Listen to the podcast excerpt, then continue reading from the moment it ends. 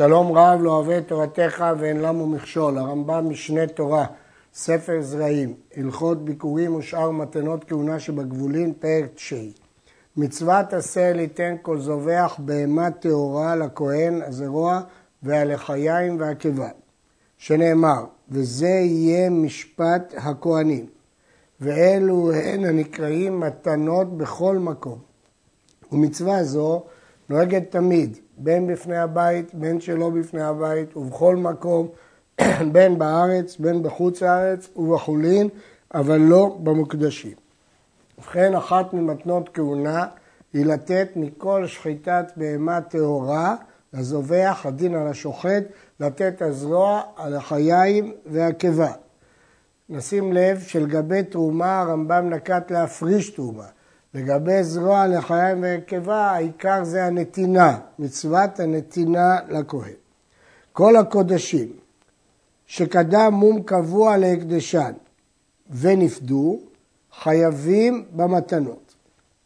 ואם קדם מום עובר להקדשם, או שהקדישם תמימין, ואחר כך נולד בהם מום ונפדו, הרי אלו פטורים מן המתנות.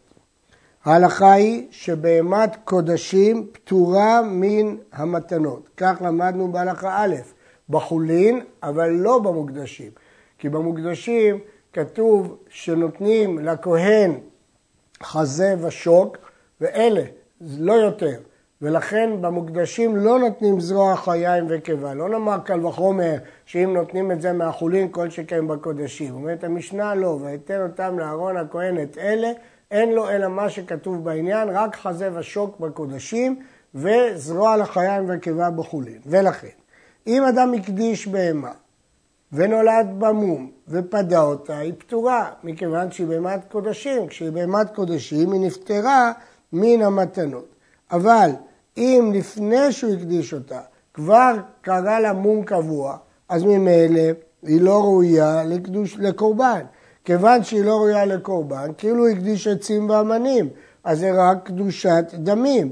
לכן כשנפדו דינה כחולין ואינה נפטרת מן המתנות. יש להדגיש שמדובר שהם נפדו לפני שנשחטו. אם הם נשחטו כשיש עליהם קדושת דמים, פטורים מן המתנות. אבל אם הוא פדה אותם לפני השחיטה, כיוון שיש לזה רק קדושת דמים ולא קדושת מזבח, חייב במתנות. אבל אם זה רק מום עובר, שהוא לא נחשב למום, או שלא היה מום בכלל, אז היא הייתה ראויה לקורבן, ודאי שהיא נפטרת מן המתנות. ספק בכור חייב במתנות מכל צד. אם בכור הוא, כולו לכהן. ואם אינו בכור, מתנותיו לכהן. בכל מקרה המתנות של הכהן, ממה נפשך? אם באמת זה בכור, אז כולו לכהן, ובוודאי המתנות. ואם הוא לא בכור, אז לפחות המתנות לכהן. ואם נסתפק בשניים, היו לו שתי בהמות והוא לא ידע אם זה הבכור או זה הבכור, ולקח הכהן האחד מספק, הרי השני פטור מן המתנות. כיוון שמספק הוא לקח את כל הבהמה, אנחנו תולים, עשו אותו כמי שזכה בו הכהן ונתנו במומו לבעליו. אבל ספק המעשר פטור מכל מקום שהמוציא מחברו עליו הראייה. כאשר ספק במעשר בהמה, ההלכה היא שהמוציא מחברו עליו הראייה. אבל כאשר יש ספק בבכור, אז אם יש מסתפק בין שני בכורות, והכהן לקח אחד מספק, אנחנו תולים כאילו הוא לקח אותו והשני הוא פטור מן המטלות. בהמת קודשים שנפסלה במומה ואינה חייבת במתנות. כבר אמרנו שבהמת קודשים אינה חייבת במתנות. התערבה בבהמות אחרות, אפילו אחת במאה. אז כל בהמה יש בה ספק אם היא חייבת במתנות או לא. בזמן שכל בהמה מהם לאחד, אם אנשים קנו את הבהמות האלה, כל אחד קנה אחת, כולם פטורים. שכל אחד ואחד ספק, והמוציא עם החברו עליו הראייה, הרי יש פה קבוע. וכיוון שברור שיש פה בהמה שהיא ספק, אז לכן המוציא מחברו עליו הראייה. היה אחד הוא השוחט את כולם, פותר מתנות אחד מהם בלבד. אבל אם אחד שחט את כל הבהמות, כלומר הוא קנה את כל הבהמות, אז אי אפשר לפתור לו את כולם, ולכן פותרים לו רק אחד. יש להדגיש כמה הלכות בעניין הזה. הדין שאמרנו שאפילו אחת במאה או אחת באלף, כולם פטורים. הסיבה היא שאין הולכים בממון אחר הרוב.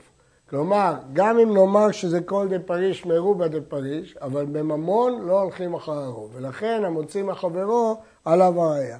כיוון שהדין של מתנות הם רק דין ממוני, אין בהם דין איסור, אין בהם דין קדושה, לא הולכים בהם אחר הרוב, אלא המוציא מחברו עליו הראייה. כן. אבל אם הבכור, לפני שבא להיות כהן, התערב במאה בהמות אחרות, כאן יש בעיה, כיוון שמדין הבכור, מדין קדושת הבכור, צריך ללכת אחרי הרוב, ולכן הדין פה הוא שונה. אין חייב במתנות אלא בהמה טהורה בלבד, שנאמר, אם שור, אם שא. רק בהמה טהורה חייבת במתנות. כלאיים הבא מכבש ועז, למרות שזה שני סוגי בהמה טהורה, חייב במתנות. למרות שהם כלאיים זה בזה, אבל כיוון ששניהם חייבים, אז גם מה שנולד מהם חייב במתנות. והכוי, אף על פי שהוא ספק, מפרישים ממנו כל המתנות. בכוי יש ספק אם זה מין חיה או מין בהמה, יש שתי דעות מה זה כוי. יש אומרים שהוא בא כלאיים מבהמה וחיה, ויש אומרים שהוא בריאה בפני עצמה. בהלכות מאכלות אסורות הרמב"ם פוסק שהכוי הוא כלאיים מן הבהמה והחיה. כאן משמע שהכוי הוא בריאה בפני עצמה. ולכן יש שאומרים שיש שני סוגי כוי, גם כזה וגם כזה. אז אם זה מין שהוא ספק אם בהמה או חיה, אז כותב הרמב"ם, אף על פי שהוא ספק, מפרישים את כל המתנות. מדוע? הרי המוציא מחברו עליו הראייה, כי יש ריבוי בפסוק, אם זה, אם לרבות את הכוי. אז זה ריבוי מיוחד בפסוק שהוא חייב במתנות. צבי הבעל העז, הבהמה הטהורה חייבת במתנות ולא חיה טהורה. ולכן צבי שהוא חיה, ובעל העז שהיא בהמה, וילדה, הוולד חייב בחצי מתנות. אם שא, אפילו מקצת שא. כיוון שהאם מעז, ויש אומנם ספק אם חוששים לזרע האב או לא חוששים, אבל אפילו אם נחשוש לזרע האב, הרי יש בו קצת שא, כי האימא חייבת במתנות, לכן הוא חייב. אבל תיש הבעל הצבייה, שהתיש חייב במתנות, והצבייה פטורה ממתנות, הבלד פטור מן המתנות, כי כיוון שהאם היא חיה שפטורה מן המתנות, אז אין פה אפילו מקצת שא. ואפילו אם נגיד שחוששים לזרע האב, זה ספק אם חוששים לזרע האב. לכן, כיוון שחוששים לזרע האב, פטור מן המתנות. יש להדגיש שכשאמרנו קודם שכליים הבא מכבש ועז חייב, אה, שצבי הבא לעז וילדה, הבלד חייב בחצי מתנות. מדוע חצי? כיוון שרק חצי זה מקצת שא, כי האם היא עז. אבל אם חוששים לזרע האב זה ספק, ולכן בחצי השני המוציא מחברו עליו ראיה. מה שאין כן, כשהאם היא צבייה, שאז ודאי שהיא פטורה, וספק אם בכלל חוששים לזרע האב, פטורים מכל המתנות. אחד השוחט לאכילת אדם, או השוחט לאכילת גויים, או לאכילת הכלבים, או לרפואה, חייב במתנות. אין צורך שהוא ישחט דווקא כדי לאכול. אפילו אם הוא שוחט לאכילת אדם או לאכילת גויים או לרפואה, חייב במתנות. בהמת השותפים חייבת, שנאמר זובחי הזבח. כיוון שכתוב זובחי בלשון רבים, אז גם בהמת שותפים חייבת במתנות. הלוקח בהמה מפירות שביעית חייבת במתנות.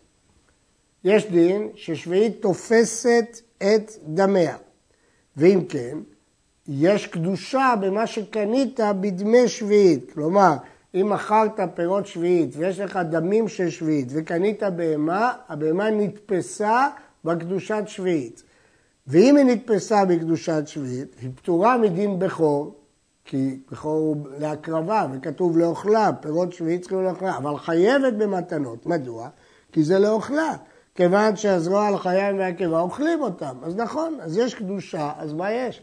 אבל הפירות שביעית ניתנו לאכילה, ולכן חייבת במתנות.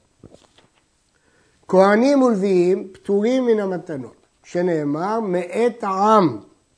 כתוב בתורה, וזה יהיה משפט הכהנים מאת העם, וספק הוא אם הלוויים הם בכלל העם או אינם. לפיכך אין נותנים מהם, כי המוציא מחברו עליו הראייה, ולכן כהנים ודאי פטורים. ואפילו לוויים זה ספק אם הם נקראים העם או לא, ולכן אי אפשר ליטול מהם. ואם נטל הכהן מהלוי, לא יחזיר, כיוון שייתכן שזה לא עם, זה ספק. ייתכן שזה עם, ייתכן שלא. אם זה לא, לא ייתן, אבל אם זה כן, לא יחזיר. ולכן מספק לא ייטול, ואם נטל לא יחזיר. במה דברים אמורים? בשוחט לעצמו, אבל כהן טבח ששוחט ומוכר בשוק, ממתינים לו שתיים שלוש שבתות. מכאן ואילך מוציאים ממנו המתנות ונותנים אותם לכהנים אחרים.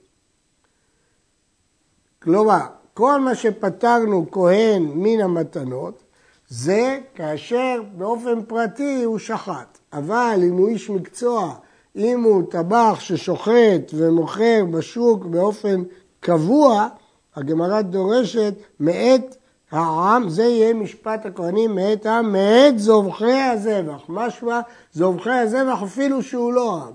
כלומר, כיוון שבאופן קבוע הוא שוחט, מוציאים ממנו המתנות ונותנים לכהנים אחרים. ואם קבע בית מטבחיים למכור, אין ממתינים לו, אלא מוציאים ממנו מיד. ואם נמנע מליתן, מנדים אותו עד שייתן. כלומר, הדין הזה שכהן פטור מן המתנות זה בכהן ששחט לעצמו. אבל אם הוא שחט שתיים, שלוש שבתות, כלומר יש פרסום בדבר, או שהוא עשה אה, בית מטבחיים, הוא חייב. הטעם של הדבר הזה הוא לפי התוספות, וכך משמע גם מהרמב"ן והרשב"א, שלא כראשי, הוא מדרבנן, למרות שהבאנו פסוק, כדי שלא ירגילו טבחי ישראל לשתף עמהם כהנים כדי להיפטר מן המתנות ותשתכח תורת מתנות. ויש אומרים שהטעם הוא מפני מראית העין. אה, יש דין שאמרנו שאם הוא לא נותן מנדים אותו וגם יש אומרים שגם ראוי לקנוס אותו. השוחט לנוכרי ולכהן פטור מן המתנות. כיוון שגוי פטור, אם כן, השוחט לגוי, דהיינו, השוחט בהמת גוי. לא כמו שאמרנו למעלה, שיהודי שוחט כדי שגוי יאכל את הבשר, זה חייב במתנות. פה הוא שוחט לגוי, הכוונה שגוי נתן לו בהמה לשחוט, אבל הבהמה שייכת לגוי. או שהבהמה שייכת לכהן, פטור מן המתנות. אותו דבר בלוי, רק שבלוי אמרנו שאם תפס אין מוציאים מידו. והמשתתף עם הכהן צריך שירשום חלקו, כדי שיניח המתנות בחלק הכהן, שאם לא עיין חלקו, חייב במתנות, מפני שאין הכל יודעים שהכהן שותף לו.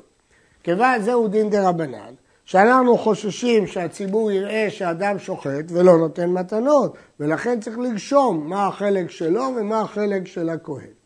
לפיכך, אם היה הכהן עומד עמו במטבחיים ונושא ונותן עמו, אינו צריך לרשום, כי כולם מבינים שהוא שותף, כלומר כולם מבינים שיש שותפות.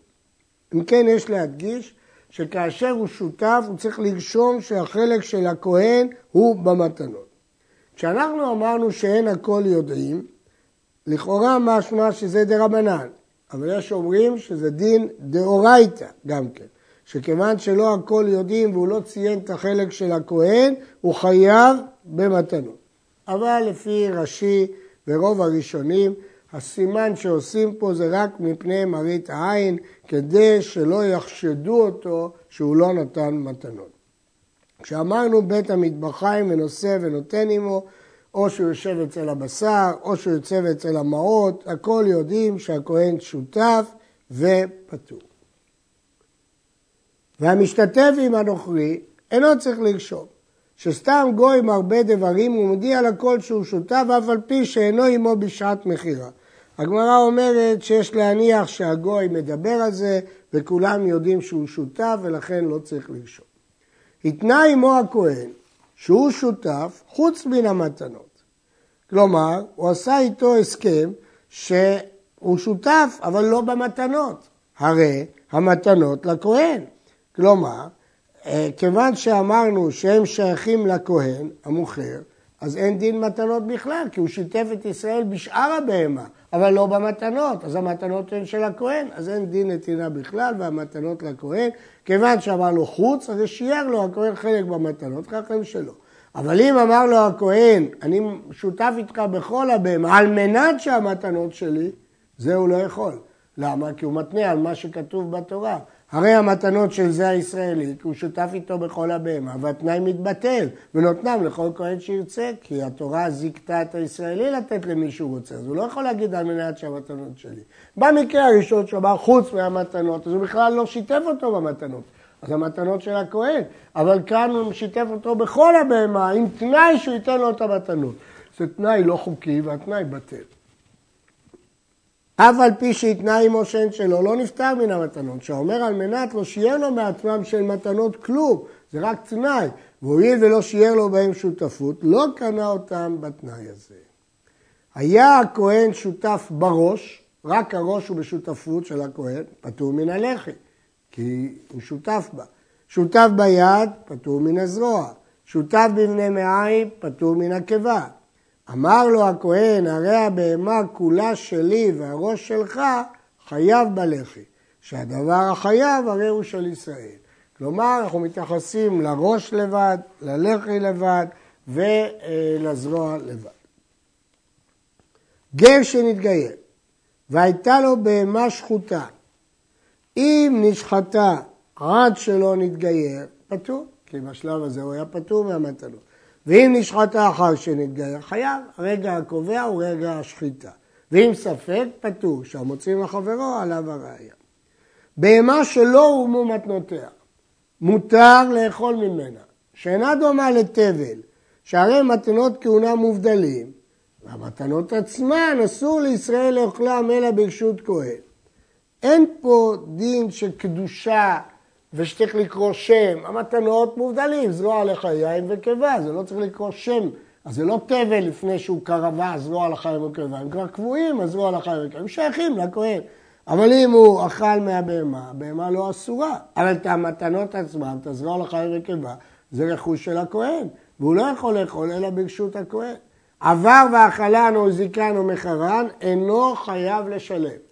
מפני שהוא ממון שאין לו תובע ידוע. מי יתבע אותו? איזה כהן? יבוא כהן אחד, יגיד לו אולי זה של כהן אחר, אולי זה כהן שלישי, אולי כהן רביעי. לכן אי אפשר את המתנות לתבוע לשלם.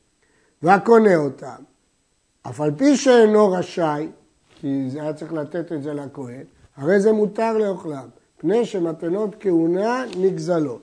וברגע שהוא לקח אותם, הראשון כבר גזלן, קנה את זה השני בשינוי רשות, למרות שבדרך כלל שינוי רשות לא מספיק, כאן זה מספיק במתנות כהונה, ולכן אחד שקנה מתנות כהונה, הוא יכול לאכול אותה. אמר לטבח, מכור לי בני מאה מעיים של פרה, והיו בה מתנות, עקבה. נותנם לכהן, ואינו מנקה לו מן הדמים. הלוקח חייב לתת את זה לאיזה כהן שהוא ירצה, והוא לא יכול לנקות למוכר מן הדמים. שהמוכר יכול להגיד לו, לא מכרתי לך את המתנות, מכרתי לך את השאר, הכסף הוא בשביל השאר, לא בשביל המתנות. לקחן ממנו במשקל, הוא שילם לו לפי משקל, נותנם לכהן, הוא מנקה לטבח מן הדמים, כי הוא לקח לו כסף גם עבור המתנות, אבל המתנות לא שייכות למוכר, אז לכן הוא לא חייב לשלם לו עבור המתנות. המשלח בשר לחברו והיו בו מתנות, אינו חושש שמא עבר זה וגזלן. אם אדם שלח לחברו מתנות, או בהמה שיש בה מתנות, אנחנו לא מחזיקים שהוא גזלן. אז מה עושים המתנות אצלו? אולי הוא קנה את זה מהכהן, או שהם פטורים מן המתנות. וזה לא נקרא מסייע לעוברי עבירה. כמובן כל זה בסתמה, כשאנחנו לא יודעים. כיוון שלא יודעים, תולים שהוא איש כשר, וכנראה הוא קנה את זה מן הכהן. מקום שאין בו כהן, מעלה המתנות בדמים ואוכלן, מפני הפסד כהן, וייתן הדמים לכל כהן שירצה.